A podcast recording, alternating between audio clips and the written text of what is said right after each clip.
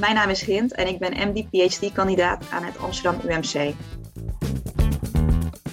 VARC, polyneuropathie, gehoorverlies, hearing loss, ataxie, retinitis pigmentosa en cataract is een acroniem voor een zeldzame erfelijke neurodegeneratieve ziekte veroorzaakt door mutaties in het ABHD12-gen met RP als belangrijke klinische presentatie. Patiënten met het VARC-syndroom vertonen klinische variabiliteit met betrekking tot het begin, de ernst en de progressie van de ziekte. Deze internationale multicenter-studie onderzocht het fenotypische spectrum van het VARC-syndroom veroorzaakt door varianten in het ABHD12-gen om onze klinische kennis over VARC-syndroom uit te breiden. Gezien het een zeldzame ziekte is met minder dan 50 gevallen die momenteel in de literatuur beschreven worden. Data van 15 patiënten uit 12 verschillende families werden verkregen door beoordeling van medische dossiers en omvatten sociodemografische informatie, medische geschiedenis en oogheelkundige onderzoeken van patiënten uit Amsterdam UMC, LUMC, Radboud UMC, het Universitair Ziekenhuis Gent in België en Moorfields Eye Hospital, Londen, Verenigd Koninkrijk. De variabiliteit in de manifestatie van neurologische, audiologische en oogheelkundige symptomen, zelfs bij personen uit dezelfde familie, maakt het stellen van een correcte diagnose uitdagend. Dit kan leiden tot verkeerde diagnoses, waardoor de diagnose VARC wordt vertraagd.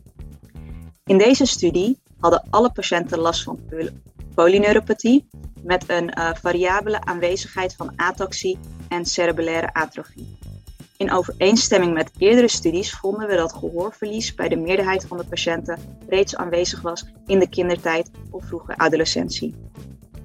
Vanuit uh, oogheelkundig perspectief had de meerderheid van de patiënten een staafkegeldystrofie zonder typische beenbalkhyperpigmentatie in het netvlies. Het gevonden fenotype leek meer op een atypische variant van RP zonder pigmentatie.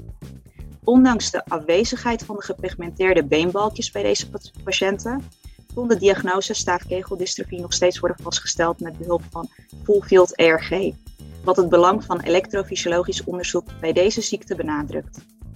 De fundus autofluorescentiepatronen waren variabel.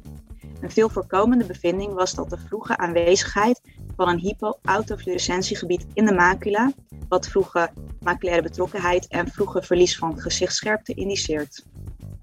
OCT-scans toonden overeenkomstige degeneratie van buitenste retinale lagen bij alle patiënten. En als laatste symptoom, cataract, werd bij de meerderheid van de patiënten tussen de tweede en het vierde levensdecennium waargenomen, wat overeenkomt met de gemiddelde leeftijd waarop cataract wordt vastgesteld bij patiënten met niet-syndromale RP. Samenvattend, de neurologische, auditieve en oogheelkundige symptomen in het cohort waren variabel. Progressieve achteruitgang van gezichtsscherpte, maculaire betrokkenheid variërend van milde veranderingen in het retinaal pigmentepithelium tot ernstige maculaire atrofie van verschillende vormen van cataract um, en verschillende vormen van cataract werden waargenomen.